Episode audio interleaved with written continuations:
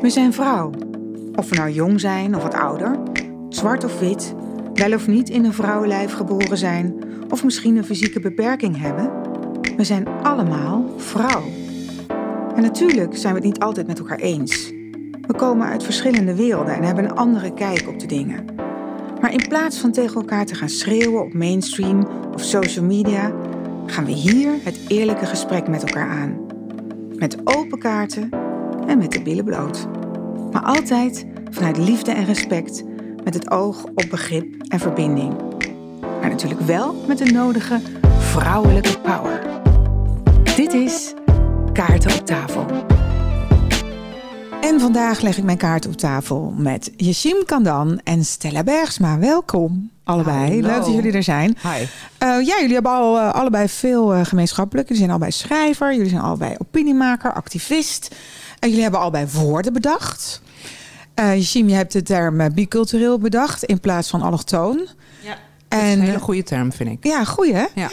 En Stella is de bede- eh, bedenkster, zeg je dat? Bedenkster? Ja, Ja, bedenkster van de term eh sletvrees. Yes. Mooie docu eh, met die titel van eh Sunny Bergman. Ik heb zelfs geld voor gekregen voor het bedenken van dat woord. Ja. Oh, ik nog niet. En het staat in de Vandalen. Oh, ja. oh, ik moet Maar- even ook aan, aan de bak. Met een, verkeer, met, met, met een onvolledige Definitie. definitie, vind ik. Want Oh. ik, ik bedoelde eigenlijk de algehele angst voor ongebreidelde vrouwelijke seksualiteit. En nu is het alleen maar de angst van vrouwen om verslet te worden uitgemaakt. Oh, oké. Nou, dan een- kunnen we niet een brief schrijven of zo? Ik, heb de, ik heb de meneer van Van Dalen al gesproken. En die zei, ja, maar het is nou eenmaal zo dat het wordt...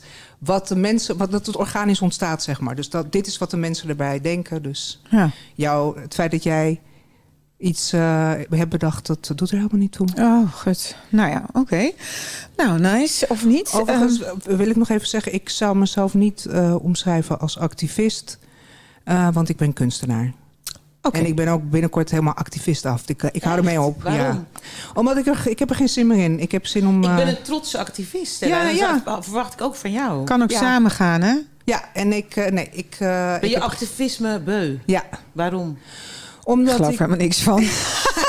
ik weet niet hoe lang je dit gaat volhouden, eh, Stella. Ik heb mezelf ook nooit als activist gezien. Ik ben activist tegen wil en dank, sowieso. Ik, ben, eh, ik ben zelfs feminist tegen wil en dank. Nee, Oké. ik ben geboren feminist en geboren activist. Heel goed. geboren. Ja, dat zit soms in je genen en daar kun je niks aan doen. Hè? Dat is voor mij ook herkenbaar. Eventjes nog eh, voor iedereen die jullie wil volgen. En dat kan. Eh Yashim is natuurlijk iedere week te lezen eh, met haar column op RTL Nieuws. En eh, doe je ook nog Iedere radio? vrijdag. Iedere vrijdag Ja. komt je een nieuwe column uit. En ben je ook nog op de radio? Ja. Wanneer? Nieuwsdag, BNR. Goed zo. Oké. En Stella, dat is interessant. Stella is trouwens ook eh, Einstein Barbie. Ja. Eh, of de liedzangeres van haar eigen ik heb band. helemaal geen tijd voor activisme. Ik moet muziek maken. Ja, en die, dat is ook jouw naam op social media als mensen Ja. jou zoeken. En haar toneelstuk Nouveau Vak, vernoemd en gebaseerd op haar laatste boek, gaat in Limburg op het Limburg Festival in première op 26 en 27 augustus. en is 8 maart 2023 hier in Almere bij de Kunstlinie te Oh, zien. cool. En het is, want het komt overal en het komt ook in heel... eh, Gaat helemaal toeren. helemaal toeren de hele wereld rond. Zo, Ja, heel tof. En dit is poppentheater, maar wel in beeld de hele grote mond van Stella, die ze gelukkig heeft, eh, met de teksten. En dan op Lowlands, augustus eh, 1 19 tot en met 21, is Stella ook nog te zien met nog een heleboel andere schrijvers en muzikanten, onder andere Saskia Noord, in de voorstelling Unbeschreiblich Weiblich, vernoemd naar de topsong van Nina Hagen. En daarin geven zij antwoord op de vraag wat het betekent om vrouw te zijn, begreep ik? Ja, kan je, beschrijven, kan je eigenlijk beschrijven hoe het is om vrouw te Geen zijn idee. in deze wereld? Geen idee. Nee. Ik zal het aan mijn transdochter vragen. Ja, ja precies. Wat het is om vrouw te zijn. Ik kan ze ook niet uitleggen volgens mij. Het, Het is, gewoon. het is een heel interessant eh, filosofisch thema natuurlijk. ja, zeker, zeker. Maar de kaarten zijn geschud en het thema van vandaag is femicide. Daarin raken jullie elkaar ook. Want jullie hebben samen een kunstdemonstratie gemaakt op de Dam. Ehm, nou, eigenlijk om te demonstreren tegen femicide of bewustzijn eh, daarover te creëren. Ja, bewustzijn creëren. Ja. Want het is natuurlijk een gekke term. Of althans, het is geen gekke term. Het is een term die je in Nederland niet zo heel veel hoort. We hebben het altijd over huiselijk geweld of partner- of gendergerelateerd geweld. Maar specifiek over vrouwengeweld willen we het op een of andere manier niet hebben. Het is een soort schaduwpandemie. Eh, en dat gezegd. terwijl eh, de cijfers er niet om liegen. Want iedere acht dagen wordt in Nederland een vrouw vermoord omdat ze vrouw is. Meestal door een partner of ex-partner. Ehm, dat eh, Of betekent, familielid. Of familielid. Ja. Dat betekent dat wij op nummer drie staan in Europa. Ja. En om even een vergelijking te trekken. ehm, moorden eh, van alle vrouwen die vermoord worden in Nederland... wordt 56% vermoord door een partner of ex-partner... versus eh 4% van de mannen. Ja. Dus dat betekent dat er wel degelijk hier iets is... wat om aandacht vraagt. En toch willen we daar maar niet aan met z'n allen. We denken ook in Nederland dat dat iets primitiefs is wat bij ons niet gebeurt. Hè? We hebben een hele hoge pet van onszelf op Ja. als land. Dus wij denken dat hoort bij andere culturen en dat hoort niet bij Ja. ons. En bij ons zijn dat allemaal individuele casus en het is helemaal niet iets structureels. Het is niet een, een, een probleem wat bij ons hoort. Dus nee, het komt door de aan. moslims, hè, als we Wilders en Ja, eh, Baudet moeten geloven. Eerwraak vinden we heel fijn om over te praten, Ja. toch? Ja, ja, ja. Dat, dat is eerwraak. Ja. Maar eigenlijk vind ik femicide ook eerwraak. Tuurlijk, heel Ja, veel- natuurlijk. Ja. Maar dat- eerwraak wordt wel gerelateerd aan eh, eh, de biculturele mensen. Ja, nou, nou, en dat is dus zo interessant. Want ik ben nog een beetje bij aan het komen van het kaarsenincident van Johan Derksen bij, eh, hoe heet het programma ook alweer? Ik heb het verdrongen. Vandaag Inside. Vandaag Inside, VI. En daar, ik vond het schokkend dat een man dit gewoon durft te vertellen op de televisie. Omdat hij denkt ermee weg te komen. En er dan vervolgens ook mee wegkomt. Ja, zo is dat precies gegaan. Dat is interessant, hè?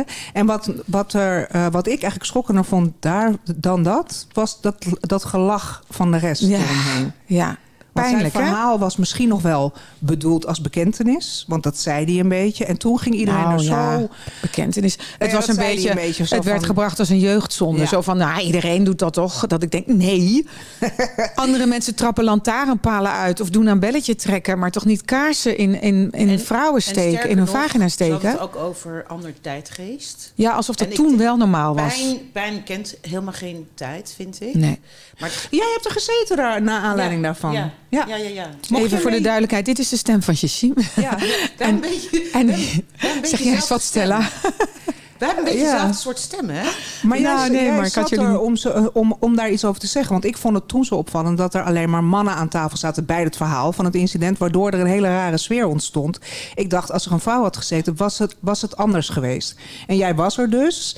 En mocht je een beetje uitpraten, want meestal mag je daar niet uitpraten. Maar dat was je- later pas dat, zij, dat jij er Nou ja. was. Hij was er niet op dat moment bij dat Nee, hij nee, dat nee, Ja, verhaal dat was met vertelde. Koningsdag was dat toen. Ja. En ehm, nou ja, ik, kijk, ik eh, zei tegen hen van jullie hebben een ongezouten mening, maar dat heb ik ook.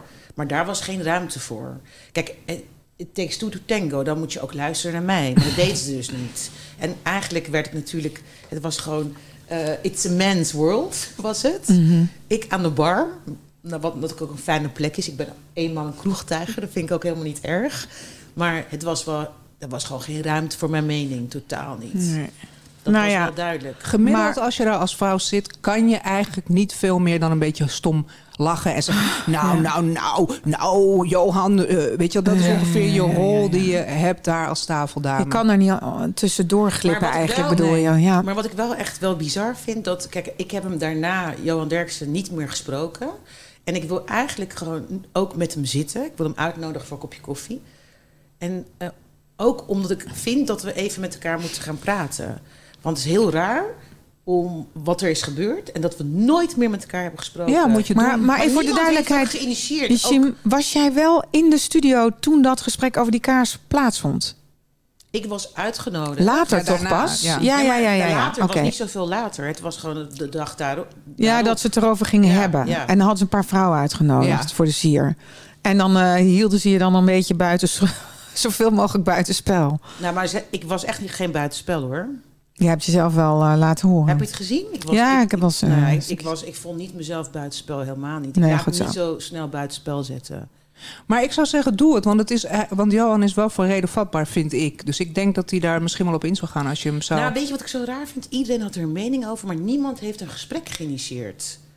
Ook toen Paul de Ummer zei van ja, we hadden toch eh, het programma VI een kans gegeven op de radio, dit en dit, dit. En Jissim zat daar en denk van Initieer dan een gesprek over. Ja. Begrijp je? Hebben ze ook niet gedaan, maar nu ga ik het gewoon zelf doen. Heel Ja, goed. doe maar. Ja. Ik wil even door, want in de echo van dat akkefietje hebben we nu natuurlijk eh, een artikel, een groot artikel in eh, onder andere Telegraaf, maar over wat er dus eh, afgelopen zondagavond, eh, want we zitten dit nu op deze datum, eh, wat is het vandaag een datum, de 26e 26 juli. op te nemen. Ja. Dat wordt natuurlijk nu niet direct uitgezonden. Maar afgelopen zondag is er eh, bij het studentenkoor op een lustrum... eh, in het studentenkoor van Amsterdam zijn er een aantal hele verschrikkelijke dingen geroepen. En ik ga even daar een eh, fragment van laten horen. En dat vrouwen niks en niks meer zijn dan een mannengebied van houden. Ja, dit is even een korte versie van wat daar, daar uitgekraamd is. Ehm, eh, mannen werden dus, vrouwen werden dus neergezet als hoeren. Ehm, nou, er werd ook nog gezegd, eh stellen iets met nek omdraaien en dan Nee, of nek, breken. Nek afbreken en dan je lul erin steken. Ja, ja, het is dat is werkelijk. wel extreem gewelddadig. Want dat hoor, dat, dat weten we wel. Maar dit vond ik... Poging ex- tot moord. Ja. Sorry hoor, het is echt Ja. poging tot moord. je zou zeggen aanzetten. femicide. aanzetten, Ja, tot, ja. aanzetten tot femicide. ja. En, en dit gebeurt dus binnen het studentenkoor door degene die de cultuurverandering moest gaan doorzetten binnen het koor. Die, dat is degene die spreekt. Walgelijk. Mijn bloed kookt. Ja, ik ben echt zo Walgelijk. boos. En eh, niet alleen ik, daar is ook een brief gestuurd door een hele grote groep. eh 270 leden ondertekende brief, voornamelijk vrouwen, maar gelukkig ook wel wat mannen. Ja. En ehm, eh, ja, Maar eh, laten we eerlijk zijn, dat heeft toch helemaal geen zin. Dat vind ik zo'n brief, denk van jongens, kom Ik weet niet. Ik nou weet ja, niet. ik hoop dat er een opstand. Ik, nou, Ja. dit, dit- hier moeten toch eh, straffen voor uitgedeeld worden of sancties op komen. In ieder geval, want er werd meerdere malen herhaald hoe vrouwen ho- hoeren zijn en hoe de cultuurverandering een façade is binnen, de, binnen het studentenkoor. Dus ze gaven dat gewoon ook ruiterlijk toe. Alleen degene die daar dan binnen de eh, binnen het studentenkoor eh, zeg maar een sanctie aan zou moeten verbinden, is ook degene die dit dus doet. Ja, die, om de- nee, maar het, het grappige daarvan is dat het dus... Hij wil dat dus helemaal niet doen en hij wordt er dus eigenlijk kwaad van. Dus het is dan, dat zou je backlash kunnen noemen. Ja. Dus mensen reageren zo vreselijk agressief vaak op, op, op eigenlijk eenvoudige eh, door, pogingen tot verandering en een beetje gelijk maken van een cultuur. Worden mensen zo kwaad van, worden ze ja, bijna extreem misogyn of racistisch of andere dingen van. Ja. Maar Door het- die, en- voor die kleine dingetjes. Dat je gewoon alleen maar niet. Maar wat ik, wel, wat ik ook grappig vind, of grappig of dubieus, of ik snap niet, net als bij die kaarts, eh, de grap. Ik snap, de gra- ik snap de grap niet, want als, als je dan zegt, ja, maar het zijn maar grappen, dan denk ik, wat is precies de grap van moord of van. eh, Ik geloof iemand- niet dat het grappen zijn. Nee, maar als je, als je niet. zegt dat het grappen zijn, waar moet je dan precies om lachen? Nee, maar is geen grap. het, het is ook. menen ze namelijk echt. Dit, dit Ja. menen ze en dit vinden ze echt, echt, echt. Ja. En waar ik naartoe wil, is dus dat juist mensen zoals Baudet, die er de hele tijd op hameren, dat dit een probleem is, dat we onze dochters en onze vrouwen moeten beschermen tegen de, het gevaar van de opkomst van de islam en van al die vluchtelingen die erop uit zijn om onze vrouwen en kinderen en dochters te verkrachten. Dat deze man dus juist uit dit clubje komt. En dat ik denk, nou, volgens mij is dit clubje nou juist degene Ja, waar we bang voor moeten we zijn. weten allemaal hoe Boef is veroordeeld op zijn eh keg. Mhm. Eh, heel Nederland viel over hem. Mhm. Maar als je bedenkt dat in het hele corporale wereld is dit eigenlijk heel normaal. Hé, hey, Ja, hoe tuurlijk, wil je wat van me drinken? Hoe vaak we die niet en hebben die niet vroeger in de kroeg gehoord? En kijk, en het erge is, ik vind gewoon, heeft alles met opvoeding te maken. Ehm, Nou ja, en met cultuur. En daar is dus Ja. een, een Thuis. toxische cultuur binnen dat studentenkoor al heel lang. En ik denk dat die to- toxische masculiniteit, waar dit natuurlijk een heel duidelijk voorbeeld van is, dat dat de oorzaak is. En dat de, uh, femicide daar zijn oorsprong vindt. Dus daarom is het zo belangrijk dat we het hierover hebben. Even voor de mensen, de luisteraars thuis. Ja, denk misschien, het ging toch over femicide, waarom hebben we het hier nu over? Het, daar begint het. Als jij als man opgevoed wordt binnen jouw cultuur, binnen, binnen hè, de cultuur waarin je opgroeit of waarin je in een studentenkoor zit of waar dan ook, dat jij dus als man een vrouw moet overheersen, dat die vrouw een hoer is die eigenlijk gewoon moet doen wat jij zegt en naar jou moet luisteren, dan voel jij je dus op het moment dat een vrouw dat niet doet, ontmand. En een ontmande man wordt vaak agressief. Dus daar vindt het is- natuurlijk zijn oorsprong. Dit is gewoon, eh, dit is, kijk, je hebt natuurlijk lichamelijke agressie, verbale agressie. Dit is gewoon Mhm. natuurlijk enorm verbaal. ja, zo maar ook, worden- er wordt gezegd, je worden- moet de nek breken. Maar wat ik wil Ja. zeggen is, zo worden dus eh, zo eh, worden ze thuis ook opgevoed. Het is niet alleen een cultuur van de studentenvereniging. Het is ook En het zijn, tussen sowieso man, natuurlijk de het zijn sowieso natuurlijk de bestuurders van de toekomst. Hè. Ze komen Ja, op belangrijke ja, ja. plekken te zitten. En het is natuurlijk niet zo dat als, je, als dit een soort je cultuurtje is... en je moet er allemaal zogenaamd om lachen en zo... het is niet zo dat dat opeens uit je systeem verdwijnt... als je rechter wordt en je moet in een verkrachtingszaak een Exactly. oordeel vellen. Dus dat is natuurlijk Ja. belangrijk daaraan. Dus cultuur, Ja. zeker. En de vraag is alleen... Als er een, in onze cultuur een soort een mannelijkheid die toxisch is, wordt eh, bejubeld, zeg maar, wat doe je daaraan? Dat is eigenlijk de vraag, toch? Ja, de vraag dat is, is- überhaupt: is het zo dat mannen cultureel gezien, zeg maar, gewelddadiger zijn dan vrouwen? Zit dat in hun genen? Of is het, wordt het aangeleerd? Dat is eigenlijk een soort de vraag waar we nog steeds geen antwoord op hebben. Als het cultureel is, wat doe je eraan? Maar bedoel je, want cultureel is aangeleerd en eh, ja, ik zei, ja. ja, dus de vraag is: is het nature of biologisch, Biologisch. eh, hormonaal is natuurlijk weer Je een zou ander kunnen, verhaal. je zou, ku- er zijn mannen die zeggen, je hebt Jordan Peterson, die heeft zoiets van, weet je wel, de grote eh, eh, idool van, eh, van incels, zeg maar, die zegt, eh, ma- mannelijkheid mag niet meer, want die daadkracht van mannen wordt er eigenlijk, dat, dat, dat wordt tegengehouden Mhm. door feministen nu. Mhm. Dan denk ik, ja, het is niet de daadkracht, het is de gewelddadigheid. Precies, Dus wat is, precies. En ik denk als het zo zou zijn dat mannen biologisch gezien agressiever zijn dan vrouwen, wat zomaar zou kunnen, dan hoeft die agressie zich niet per se jegens andere vrouwen te, eh, tegen, jegens vrouwen te richten. Die kan ook ergens anders naartoe gesluist Ja, worden, ik wil- bijvoorbeeld. Ik wil, het toch, eh, ja, ben deels mee eens, maar deels ook niet mee eens. Want ik vind dat alles heeft te maken met de opvoeding. ja, dus dat is Vooral- de vraag. Ja. Vooral, dat vind ik echt, vooral eh, hoe moeders hun zonen opvoeden. En, ehm, Ja, maar dan, dan zijn we het toch wel met elkaar eens. Want zelfs als je dan even- dus testosteron hebt, Ja, dan... maar, maar ik vind gewoon eh, dat de, de.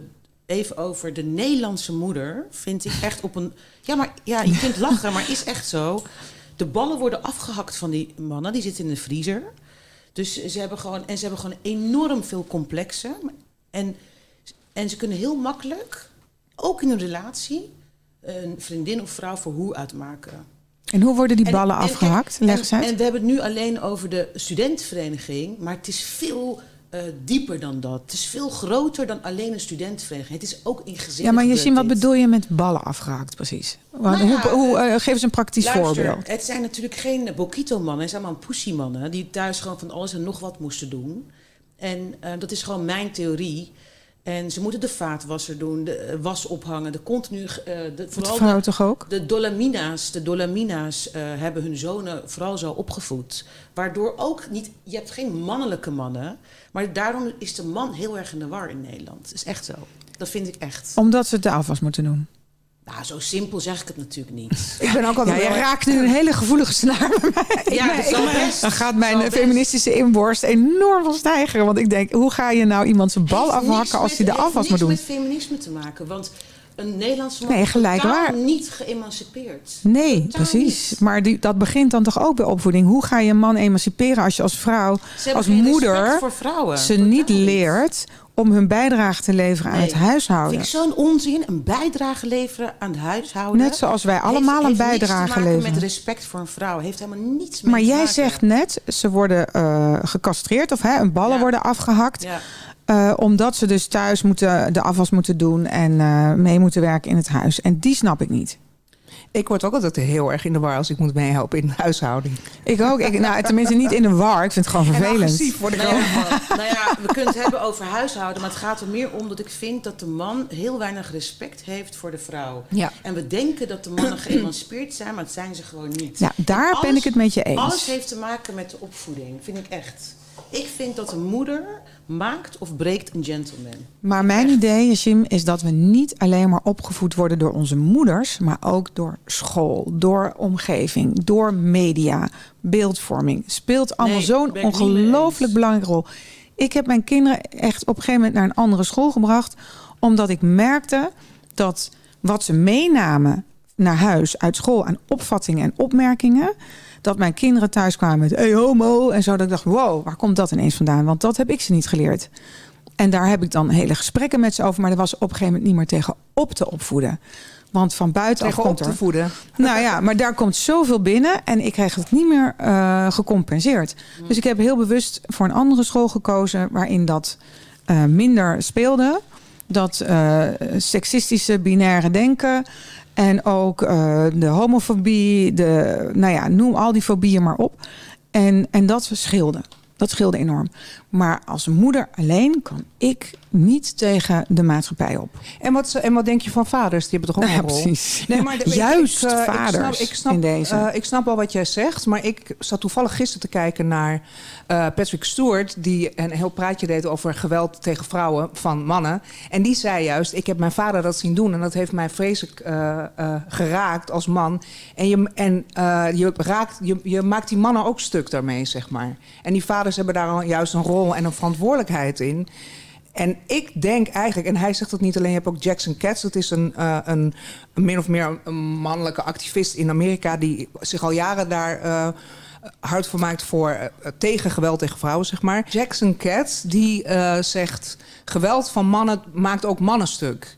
Dus als vader heb je de verantwoordelijkheid om niet die gewelddadige man te zijn. En als vader heb je ook de verantwoordelijkheid om je vrouw respect te. Dus je te- Ja. als ouders la- laten toch zien hoe je je moet gedragen als Juist. kind eigenlijk. Nou, dat is het. er Want voorleven is de sterkste Ja. vorm van opvoeden. Is mijn ervaring dat eh, kinderen zijn net eh papegaaien, echo's. Ze doen jou na. Dus je moet het ze voorleven. En dan denk ik juist de vader een hele belangrijke rol speelt Ik in het leven van een Ja, zoon. vind ik wel interessant. Ik, ik Nou ja, ik wel zou over- zelfs zeggen dat, dat geweld tegen vrouwen een mannenzaak is. En dat, ik, dat ik, ik baal er eigenlijk van dat we hier weer met drie vrouwen over zitten te praten.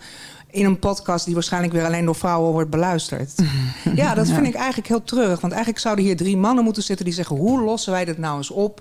Want wij, wij zijn eigenlijk, het is onze groep Maar daar hebben we, ik- mensen ik, snap die. je, maar ik denk dat we daar meer tijd voor nodig hebben. Ja, Nou ja, wij moeten gewoon keihard in opstand komen. De Nederlandse vrouw moet gewoon een vuist maken en zeggen: nu is het genoeg. Ik bedoel, hallo, Maar wat wordt daar verkondigd in zo'n.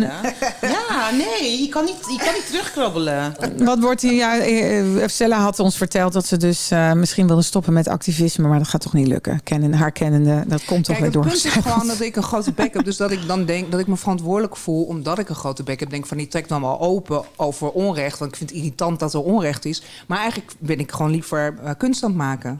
Ja, maar met kunst kan, kunst kan ook activistisch zijn. Ja, en, maar eh, eigenlijk ben ik liever gewoon mooie dingen aan het maken. En ben ik, eigenlijk ben ik ook graag bezig met grote thema's als leven en, En waar dood komt en liefde. maar geweld wel, vind ik wel interessant. Dat vind ik ook goed. Waar komt het vandaan bij jou? Je bent een kunstenaar, zangeres. En waar komt die drive vandaan dat je zo wil vechten tegen onrecht? Ja, maar ik wil helemaal niet vechten. Ik zie mezelf ook helemaal niet als vechter. You're a lover, not a I'm, I'm fighter. a lover, not a Zie je als fighter. een vechter, maar vechten vind ik positief, hè? Ja. Ja, ik snap het, maar ik voel, ik voel het niet zo. Oké, ja, dan niet. Hey. maar ik zie ja. Meiden, eventjes misschien- ehm, even naar jullie showdownkaarten. Ja, precies, want misschien is dat, dat... Je kan het linken aan de showdown. Want het is wel zo dat ik Ja. eh, een slechte relatie met mijn vader altijd had. En dat is wel een reden waarom ik, eh, waarom ik eh, zeg maar aanga op geweld tegen vrouwen. Mijn vader was agressief, was een agressieve man. Dus in die zin vecht ik wel dat ik tegen hem ook altijd vocht. Dus waarschijnlijk, je kan het wel psychologisch maken. Ja. Zo van, ik kan bijna niet helpen dat ik, dat ik rebelleer. Want dat deed ik tegen hem ook. Ja, maar ja, maar ik voel me niet... Ik heb niet zo, eigenlijk kan het me geen hol schelen of er onrecht in de wereld is. Ik vind het vervelend, maar ik wil eigenlijk... Eigenlijk wil ik gewoon de wereld mooier maken. ja. Ja, maar dat is ook. Dat, dat is volgens mij wil iedere activist dat uiteindelijk de wereld een beetje mooier maken. Maar ehm, nog even ter informatie voor de mensen die luisteren. De showdownkaart is vast item in het programma. Als je voor het eerst luistert, weet je dat misschien niet. En dat is eigenlijk een soort bekentenis of een onthulling omtrent dit thema. En dit is femicide. En jij vertelt dus nu net even tussen neus en lippen door. Ja. Dat jouw vader je sloeg. Ja, ik heb, eh, ik heb er, want ik zat erover na te denken. Ik heb me eh, opgewonden over eh, verkrachting heel erg voor me toen nog. Had ik zeg het, bedacht de actie. Eh, en ik win me dan op over femicide. Hashtag zeg het, Ja, hashtag ja. zeg het. En ik win me dan op over eh, femicide en eh, doe daar dingen mee. En, en ik denk dan altijd van, nou ja, dat doe ik gewoon omdat ik het belangrijk vind. Dat heeft niks met mij te maken. En toen dacht ik erover na, dacht ik, nou ja, waarschijnlijk heeft het toch wel een klein verbandje met het feit dat mijn vader een agressieve man was. Ja. Mm. Ja, Ja, dat denk ik wel. ja. En heb je, heb je, zijn je ouders bij elkaar gebleven? Ja, En heb je dat je moeder kwalijk genomen? ja Zeker, want die greep niet in en die zei ook... eh, waar twee vechten hebben twee schuld. Wat, me- wat, wat sommige Oh. politieagenten nog tegen vrouwen... die geslagen worden door een man worden zeggen. Hè? Nog steeds. Hè? Mm. Is dat een ding dat politie niet goed wordt geïnformeerd... over huiselijk geweld en hoe je daarmee om moet gaan? Dat het alles mee... Wat heeft u gedaan, mevrouwtje? Wat, eh, u heeft hem zeker geprovoceerd. Ik provoceerde mijn vader wel, maar ik was een kind. Ja, precies. En hij was de volwassene. Ja. En hoe is jullie relatie nu? Hij is dood. Oh, nou, lekker rustig. Sorry. Dus goed, gaat goed. Gaat, gaat goed. Nee, je moeder leeft nog. Onze eh, relatie was sowieso ook. Onze relatie was verwarrend, zeg maar. Maar ik heb hem al lang dat vergeven. En ik zie nu ook zijn ontzettende onmacht. eh, waarmee Mhm. Heeft hij sorry gezegd ooit tegen jou? Nee. Maar wel, hij heeft wel op zijn sterfbed eh, eh, mij een soort van naar zich toe geroepen. En toen ben ik op zijn borst gaan liggen. En dat voelde als, eh, als, Als een een soort sorry. sorry. Maar dan zonder wel woorden. soms nodig hè, om te kunnen helen ook van Ik denk dat hij dat niet kon zeggen, maar de, de, de, de gebeurtenis was wel. Heeft het je laten voelen? Dus voordat Ja. hij eigenlijk doodging, wilde hij eigenlijk een soort van vergeving van jou. Zo Ik, lijkt het ja, wel. ik denk Ja. het wel. Nou ja, of hij, misschien wilde hij haar dat ook geven. Hè? Want het is niet alleen maar Hij gaf me wel wat. vergeving vragen. Het is Ja. ook... ehm, ja, een sorry is soms zo belangrijk. hè. Na een als iemand je een trauma bezorgd heeft... en diegene zegt... eh, of die heeft je iets aangedaan... en diegene zegt sorry... of, of het maakt een excuus... of laat zien of merken dat hij spijt daarvan heeft... dat is helend. Ja. hey, en jouw, eh Yashim, jouw ehm showdownkaart staat hier Turks gezin. Leg eens uit. Nou, het- in relatie tot eh, femicide ehm, heb ik wel inderdaad eh, een Turks gezin ontmoet. Of een familie eigenlijk, nog beter gezegd. Die ik eigenlijk eh, hielp, omdat ze heel arm waren. En toen vertelde de, de vrouw des huizes vertelde dat ze nog de zorg heeft op, voor twee jongens. Ze had vijf kinderen plus twee jongens. Want de vader had de moeder vermoord. En die was dan in de gevangenis, maar ze zei het op zo'n trotse manier: van hij heeft het goed gedaan. En ik was eigenlijk ehm, best wel eh, verbijsterd, verbrouwereerd van hoe, hoe ze dat zo zei. Want het was een eerkwestie, zei ze toen. Wauw, echt? En, eh, en toen dacht ik van, wauw. Ik, wa- ik was er eigenlijk echt stil, stil van, zeg maar. Stil. En in Turkije gebeurt dat best wel veel. Door een eerkwestie Wij dat kwamen- vrouwen worden vermoord. Nou ja, we kennen elkaar al, maar onze eerste eh, demonstratie op de Dam was naar aanleiding van het feit dat Erdogan het uit het Istanbul-verdrag Ja. wilde halen. Ja. Dus dat, Ja. dat die, en het gebeurt daar volgens mij eens in de vijf dagen. Ja, en in drie maanden waren er 270 vrouwen vermoord, zoiets. En toen hebben we gedacht van, we moeten er iets mee doen. Nog even voor de luisteraars, die Istanbul-conventie... dat Ja. was een eh, mensenrechtenverdrag Ja. eh, om eh, preventie eh, te, ja, te, te veroorzaken, zeg je dat... van eh, gendergerelateerd eh, geweld jegens vrouwen. En eh, daar waren gewoon concrete afspraken gemaakt... waar iedereen zich dan... Maar dan eh, werden L- LHBTQ'ers ook beschermd. En dat vindt Erdogan volgens mij gewoon niet mannelijk om, dat, om, daar Dat mag mee- niet, nee. om daarin te zitten in zo'n verdrag. Dus komt die ook is daar door de uitgestapt, minister van Religieuze Zaken, die heeft uiteindelijk ook gezegd... eh, eh, alles wat er in, in, in een gezin, een gezin gebeurt, gebeurt, ja. moet binnen een gezin blijven. ja, oh, Dus levensgevaarlijk. Ja. geen eh, hulp vragen, maar dat is levensgevaarlijk. Ja, ja. Want daarmee geef je eigenlijk een soort van vrijbrief van jullie. jullie Wat daar binnen maar- die vier muren Juist, gebeurt. Ja. Terwijl eigenlijk willen we juist dat vrouwen naar buiten komen Ja. als ze thuis onveilig zijn. Tuurlijk, het, is, ja. het, is, al best wel een drempel die je over moet. Ja, Schaamtecultuur. ja. En heel veel landen, eh, vooral in Tur- Turkije, heb je te maken met schaamte. Ja. En ehm, ja, dus de minister van Religieuze Zaken had dat zo. eh, Hoe liep het af met die vrouw die zo trots was? Dat gezin. Ja, ik heb geen contact meer met ze. En je schrok Ja. en je ze- zei je niks van wat, wat zeg je nou? Nee, nee, ik zei er niks van. Nee. Je dacht gewoon wat. Ik was Je- gewoon echt gewoon helemaal was verbijsterd. eh, verbijsterd, ja. Verbijsterd gewoon door verschillende redenen. Want ze zijn heel arm, vijf kinderen. Plus twee, zeven. Dat je echt denkt van... En dan zo trots vertellen. Maar het is moeilijk, hè? Want bijvoorbeeld vader ook. was dan een gevangenis. Dus dan Ja. ook geen vader en geen moeder. Maar ik snap, wel dat je, ik snap wel dat je het moeilijk vond. Of dat je ervoor gekozen hebt om niks te zeggen. Of dat je niet wist wat je dan, hoe je dat zou aanvliegen. Want op het moment dat zo'n overtuiging zo diep geworteld is, ga je dat ook niet met een opmerking veranderen. En, en, en lastig om dan hoe ga je daar nou mee om? Of wat he- heeft het zin? Of, of raak je dan alleen, of gooit iemand de deur dan dicht en heb je geen ingang meer daar naartoe? Eh, maar dat is wel, eh, vooral als dingen door eh, hè, hele sterke geloofsovertuigingen bijvoorbeeld gedreven worden, dat al generaties in iemands eh, cultuursysteem zit. En, Ja, en, dat, ja. en nogmaals, dan grijp ik ook weer terug naar zo'n studentenkoor, wat ook een cultuur is. Precies. En ook een overtuiging. En ook een En overtuiging. eigenlijk ook een ideologie om te denken dat Zeker. vrouwen hoeren zijn of dat vrouwen eh, je bezit zijn. En Daarom dat- is het ook het hele idee, want, want in Nederland worden de meeste vrouwen ook vermoord uit jaloezie of als ze bij je weg willen. Maar het vindt ook zo'n En oorsprong is- in het christendom net Ja. zo. Hè? In de hele Zo Bijbel. van, van mij Van bent, mij bent, dan ben je van niemand. Ja. En eigenlijk En we zijn, uit de, rib, eh, we zijn Ja. uit de rib van Adam eh, ge- geschapen, zogenaamd. Ik bedoel, dat, Ja. dat zegt ons toch eigenlijk al komt genoeg. eigenlijk uit de kut van Eva natuurlijk. Exactly. Dus mijn, eh, mijn punt. Dus dat is, dat is heel duidelijk weer zo'n voorbeeld. Ehm, Maar Ik dus had, wij eh, hebben onze eigen eervraak. Wij noemen het alleen passiemoord. ja. Mijn eigen showdown-kaart heb ik opgeschreven. Ben ook wel eens mishandeld in een relatie. En ben toen niet opgestapt. Oh, Ik had ja. een ehm, zwaar gekneusde rib en heb dat eh, heb bij de huisarts echt zo ze kwam er alleen maar. Jij bent van de trap gevallen. Dat je echt denkt, die dus. standaard zin weer. Ja. Schaam me dood. Ik durf het niet te zeggen. Ik ben niet uit die relatie gestapt. Ik moet wel eerlijk zeggen dat het bij dat ene incident bleef. Het is niet vaker in binnen die relatie niet vaker gebeurd. Ging wel allerlei andere dingen heel erg mis. Ehm, dus na ehm 2,5 jaar of zo ben ik dan eindelijk eh, ben ik uit die relatie gekomen omdat hij beëindigde. Dat was nog het ergste. En ik heb denk ik wel zes, zeven jaar nodig gehad om daar overheen te komen. En toen heb ik een relatie gekregen met iemand en die heeft mij ook mishandeld. En toen heb ik meteen de relatie beëindigd. En dat was voor mij eigenlijk weer de macht terugnemen. Ja. Ja. Ook nog met terugwerkende kracht over wat er in die vorige relatie eh, was gebeurd. Goed man. Maar Schuim je er nu nog voor?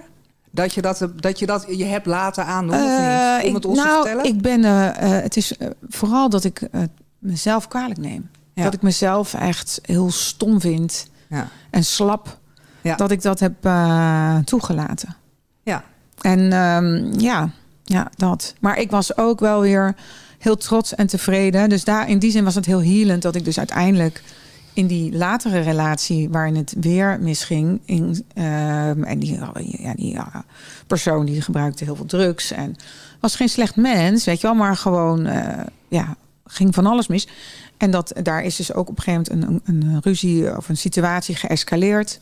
En dat ik toen eh, redelijk gemakkelijk eh, die knop om kon draaien en kon zeggen: Oké, nou is enough, dit gaan we niet doen. Ja, ja, ja, ja. Klaar. En, en dat was voor mij eh, ja, dat gevoel dat ik de macht weer terugnam. Mag ik nog iets vragen over die huisarts? Ge- eh, vroeg hij niet door? Nee.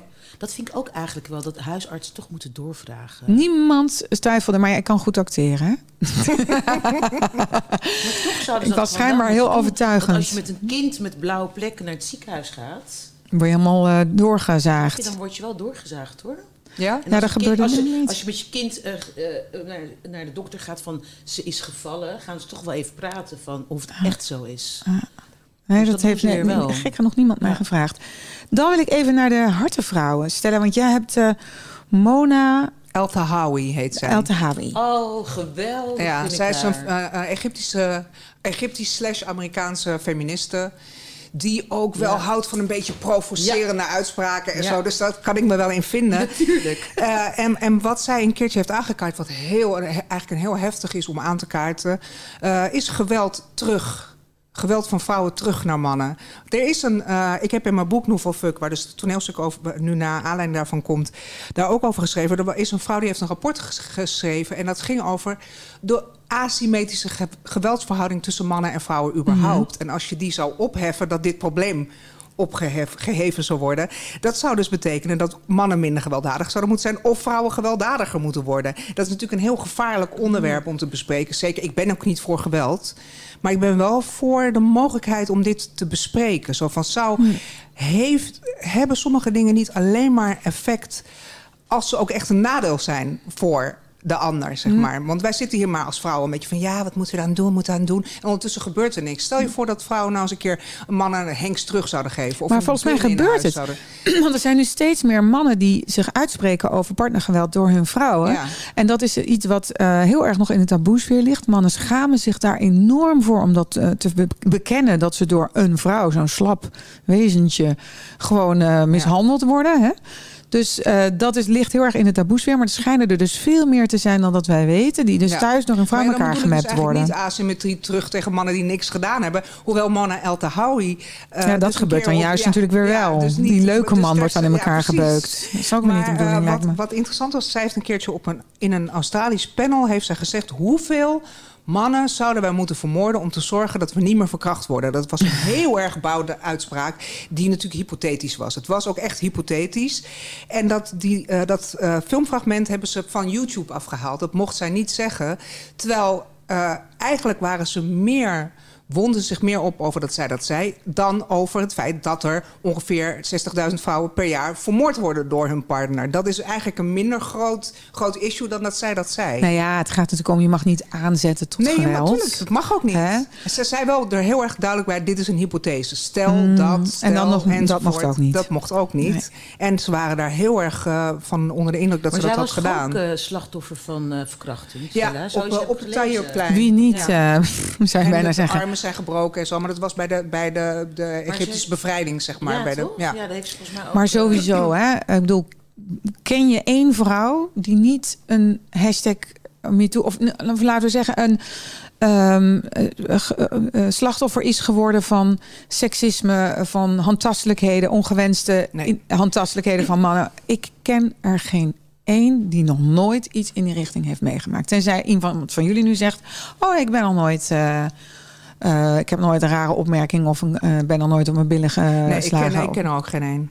En ik wil niet, ik wil wel even duidelijk maken dat ik geen voorstander ben van geweld. Maar ik vind wel dat je hierover moet kunnen praten. Dus dat vind ik interessant van haar these, dat je gewoon eh, hypothetisch gezien daarover praat. Over hoe Ja, lossen ja, we dit ja, op ja. en is, is er geen asymmetrie? Zijn mannen niet gewoon sterker? En zal het niet altijd een probleem blijven omdat mannen sterker zijn? Nou ja, het is, het, is een filosofisch thema. Hè? En Ik denk niet, eerlijk gezegd, dat je daar iets mee oplost. Hè? Want ik geloof niet in, met, eh, in geweld. Alleen, ehm, want je krijgt alleen maar oorlog en, en escalaties Maar uiteindelijk. het punt is wel, dat wil ik wel nog even gezegd hebben. Dat is ook zo, Tanja. Maar aan de andere kant, er is al oorlog eigenlijk. Als je kijkt naar hoeveel vrouwen er vermoord worden per jaar door hun man. eh, dat zijn er meer dan dat er doodgaan aan terrorisme. En we besteden meer aandacht aan terrorisme Ja. dan hieraan. En als we, zolang, zolang we die structurele, de, de structurele kant daar niet van zien... en steeds maar doen alsof het individuele gevallen zijn... Ja. allemaal hoort in het eigen gezinnetje... Ja. Eh, zien we niet dat er al oorlog is. Er is eigenlijk Ja. al oorlog. En er is ook politieke strijd. Er is ideologische strijd tussen mannen en vrouwen. Als jij zegt, jij bent een hoer en jij moet je mond houden... dan is dat eigenlijk een ideologisch Ja. standpunt. Mhm. Dus ik zeg ook, huiselijk geweld is thuisterreur. Thuisterrorisme. Ja, maar is, ja, ik, ik vind het zo mooi gezegd, Stella, wat je nu zegt. Het is zo waar. En het is gewoon, we maken het gewoon individueel. Ja. En zolang we het Ja. zo klein houden, gaan we, gaan we het nooit oplossen. En eigenlijk, as we speak, zijn er ook nu vrouwen in nood.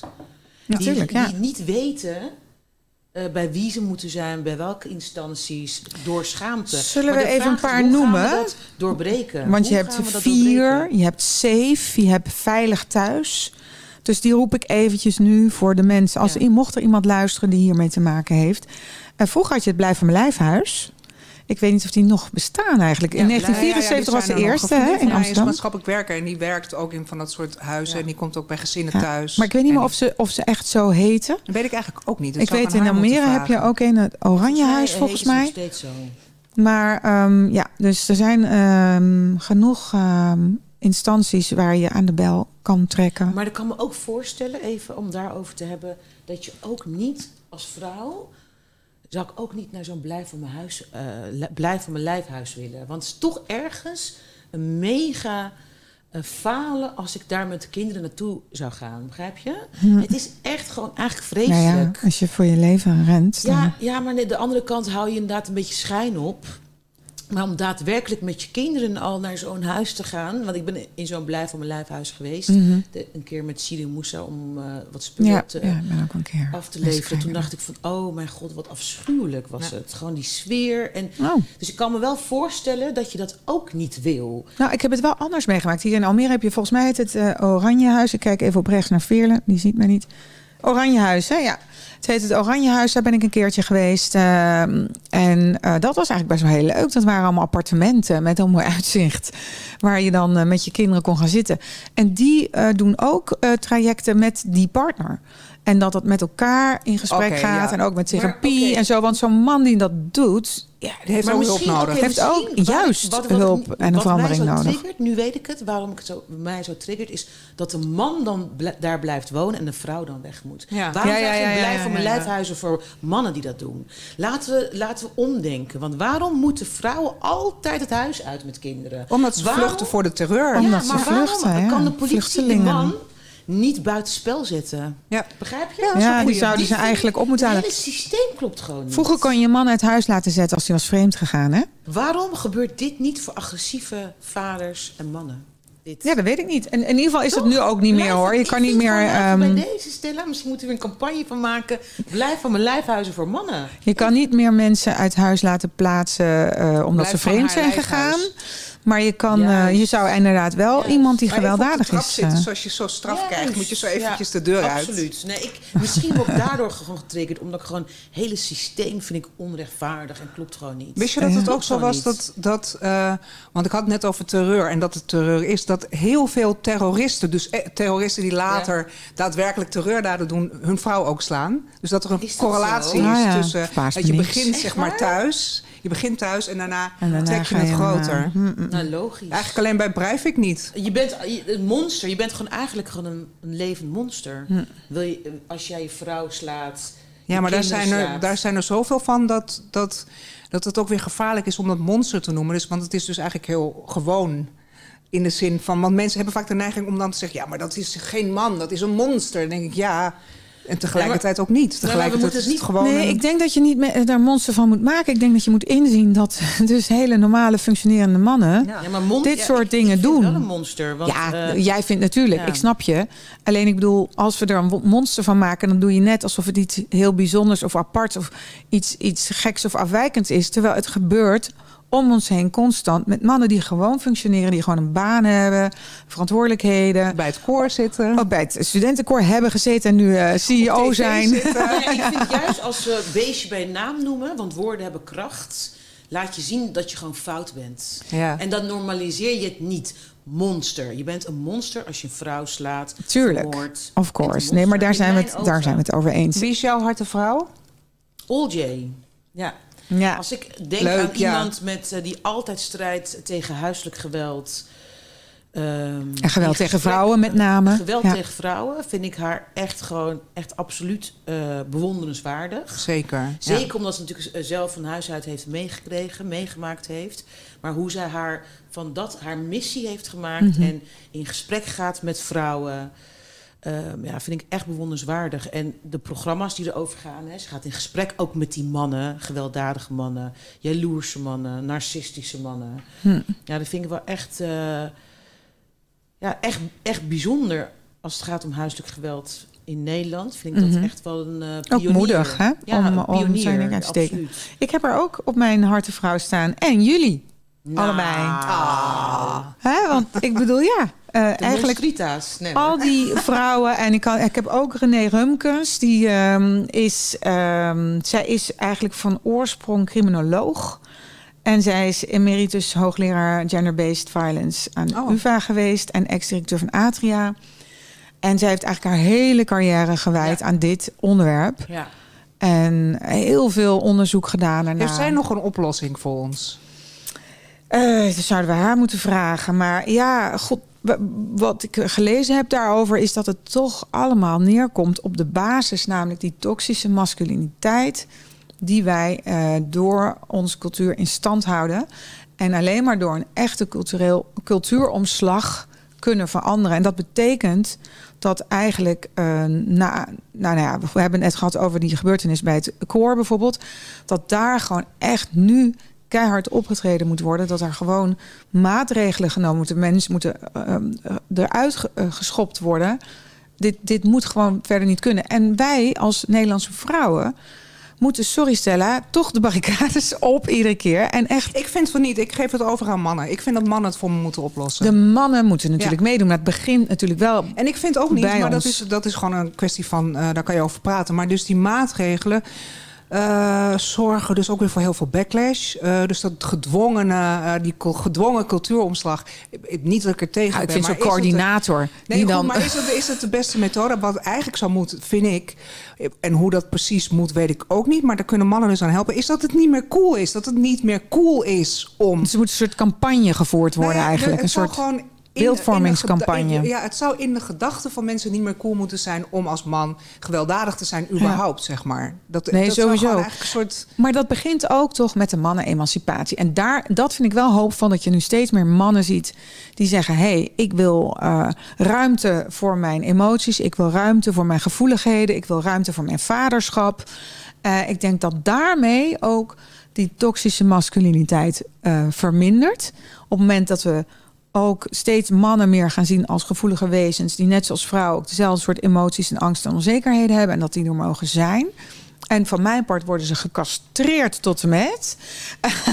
en gaan ze lekker afwassen en stofzuigen en al die leuke Daar dingen doen. moeten we dan een andere podcast over hebben. Juist Maar dat ze daardoor, maar wacht even, maar dat ze daardoor ehm, hun vrouwelijke, quote-unquote vrouwelijk, want ik heb ook wat met eh, vrouwelijk mannelijk, heb ik een beetje moeite mee, maar goed, eh, dat ze dus die quote-unquote vrouwelijkheid, dat die meer ruimte krijgt, waardoor ook die zachtheid meer ruimte krijgt en waardoor ze dus niet het gevoel hebben dat als ze door een mondige vrouw in die hoek gedrukt worden, dat ze dan dus in opstand moeten komen. Maar dat ze denken, ah, voelt eigenlijk wel lekker. Ik zit hier prima. Ik mag gevoelig zijn, ik mag huilen, ik mag bang zijn, ik mag zorgen. En eh, het is helemaal, eh, het is niet erg, want dan ben ik nog steeds een man. Doet niets af aan mijn mannelijkheid. Zolang mannen denken dat het iets afdoet aan hun mannelijkheid, denken ze dat ze dat moeten bevechten en worden ze Ja, agressief. maar mannelijkheid, welke mannelijkheid? Ik heb nog nooit een mannelijke man gezien. Exactly. Waar Dus we moeten dat hele, hele term Ja, herdefiniëren. maar er is gewoon geen mannelijkheid in mijn ogen. Totaal niet juist. Een echte man, een gentleman, een boquito... is juist heel lief voor de vrouw. Praat met respect en, over een vrouw. Maar dat ja, en een eh, vrouw niet. moet respect, respect over maar dat- Mensen moeten dan moeten naar keer elkaar praten, zijn. Maar ik vind juist dat de mannen in Nederland eh, echt eh, gewoon absoluut niet eh, mannelijk zijn, maar juist heel vrouwelijk en continu emotie. Dus eigenlijk jouw, heel, jouw beeld wat jij schetst, dan denk ik echt helemaal anders over. Ja, I know. Precies. Daar lopen we vaker tegenaan. Echt, totaal denk ik van, they wish dat ze mannen waren. Echt in Ja. hun dromen. Ja, goed, maar dan definieer mannelijkheid, weet je wel? Ik bedoel, dat is natuurlijk, daar begint het natuurlijk. Wat is de definitie van mannelijk? Nou, nou, wat ik al zeg, de definitie van mannelijk is voor mij... dat is eigenlijk mijn broer... is gewoon echt de uber, uber gentleman die er bestaat. Maar Hij de gentleman, die moet de deur van mij ophouden, want dat kan ik echt heel goed zelf. Mhm. lief voor zijn vrouw. Echt onwijs lief. En praat altijd respectvol over zijn vrouw. Kunnen Nederlandse mannen ook wel van leren. Hoe ze met een vrouw moeten praten. En is gewoon echt gewoon een soort van Bob de Bouwer. Helpt de hele tijd. Is gewoon handig. En enorm mannelijk gewoon. Ik hoor dat hij al getrouwd is, dus weer jammer. En hij is heel knap. Maar dat is even by the Oh, way. Hoe heet hij? Jaltjen. Jaltje. Maar hij is al bezet, dus Ja, nou ja, dus die kunnen we niet meer... Dat eh, is voor mij ehm, eh, een gentleman. En ik voed mijn zoontje voed ik ook zo op. En ik merk al dat ik daar zoveel van terugkrijg. Dat hij zei, hij was aan het stoeien met zijn trainer. En had tegen eh, trainer Robina gezegd... Robina, weet, weet jij dat vrouwen altijd veel sterker zijn dan mannen? En toen had zij gezegd, waarom dan Jan? Ja, omdat wij nooit een vrouw mogen slaan. Vanaf dat hij echt kan lopen, zeg ik dat tegen hem. Nooit schelden en nooit een vrouw slaan. Ook niet als die vrouw hem slaat. Oh, dat is zo'n typische vraag weer. Het gaat om als kinderen stoeien met elkaar. Eh, wat ik al zie, kleine jongetjes slaan meisjes terug. En daar begint het al. Je, Dat mag ik niet. leer, nee. Zij mag hem wel slaan, maar hij haar niet. Nee, klopt, ja. Ja, ja. Vind ik ook Ik wel, zou in- wel zeggen, ingewikkeld. ehm, om, dat om dit misschien een beetje een soort van samen te brengen, hoop dat Mhm. dat lukt. Eh, stel dat je doorhebt van jezelf dat je fysiek sterker bent. eh, of geestelijk sterker, of op wat voor manier sterker, dat je daar eh, verantwoordelijk mee omgaat. Juist. Dus dat je als mens überhaupt, of je nou een man of een vrouw bent, met hetgene waar jij overwicht in hebt op een ander, verantwoordelijk omgaat. En als je dat doet, dan ben je, dan ben je een goede leider of dan ben je een goede, eh, goed mens sowieso. Maar dan, dan, dan eh, ja, kan je je macht aan. Juist. Dan ga je kracht. je kracht, Ja, je kracht kracht aan. Dan ga je goed met je kracht om. En dat is eigenlijk heel bijzonder. Want het is ook best wel. Het is best wel eh, goed om een krachtig mens te zijn. Het is Maar niet, Stella, je hoeft mannen niet, zijn niet- altijd sterker dan vrouwen. Nee, Want als het een meisje is van eenheid bij 13 politie- of 12 en een jongetje van 5. Maar bij de politie, de speciale eenheid, daar zitten eigenlijk alleen maar eh, mannen. Nee, maar jij Nee, zegt nee, nu nee, bij dat- kinderen al. Dus eh, als nou een meisje van 7 en een jongetje van 4 in elkaar ramt. Dat is dan niet Ja, oké? dus, dus dan, dan zou het goed zijn om ze zo op te voeden dat je ziet dat jij sterker bent dan die ander. Dan moet je het niet doen. Nee, dus dat je alleen precies. maar, eigenlijk alleen maar Nee, maar pick on het someone over- your own Ik heb het size. over volwassen mannen. Ja, Dit was nou ja, gemiddeld zijn mannen denk ik vaak sterker, maar niet altijd. En ze voelen zich ook zeker niet altijd sterker. Ze voelen zich soms En ze zijn heel zeker niet verbaal altijd heel- sterker. Ja. Precies, ze voelen zich soms heel klein. Ook daar, eh, ook dat is een verschil eigenlijk, zeg maar, waar je best wel rekening mee kan houden en wat je kan zien bij een ander.